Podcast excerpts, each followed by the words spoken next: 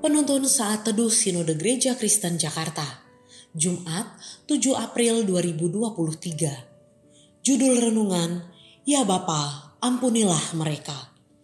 Diambil dari kitab Lukas 23 ayat 34.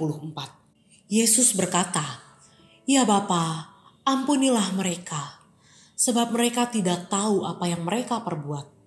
Dan mereka membuang undi untuk membagi pakaiannya apa yang Anda rasakan jika Anda sudah memberi banyak pertolongan kepada seseorang, namun balasan yang Anda terima justru sebaliknya? Pada waktu ia sakit, Anda membawanya ke rumah sakit. Ketika ia membutuhkan biaya untuk sekolah anaknya, Anda membantunya. Banyak pertolongan yang Anda berikan. Namun, bukan terima kasih yang Anda dapatkan, malah pukulan, hinaan, dan fitnahan yang Anda terima tentu Anda menjadi kecewa, benci, bahkan mungkin akan segera memutuskan relasi dengan orang itu. Anda tentu berpikir bahwa orang seperti itu tidak layak untuk dikasihi. Itulah yang dialami oleh Yesus. Semasa hidupnya, ia berbuat banyak kebaikan.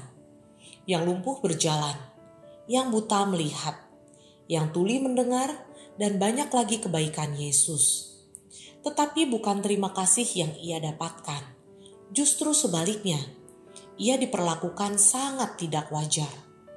Yesus dipermalukan, bahkan disiksa habis-habisan. Yesus tentu dapat membalas orang-orang jahat itu. Namun, apa yang terjadi?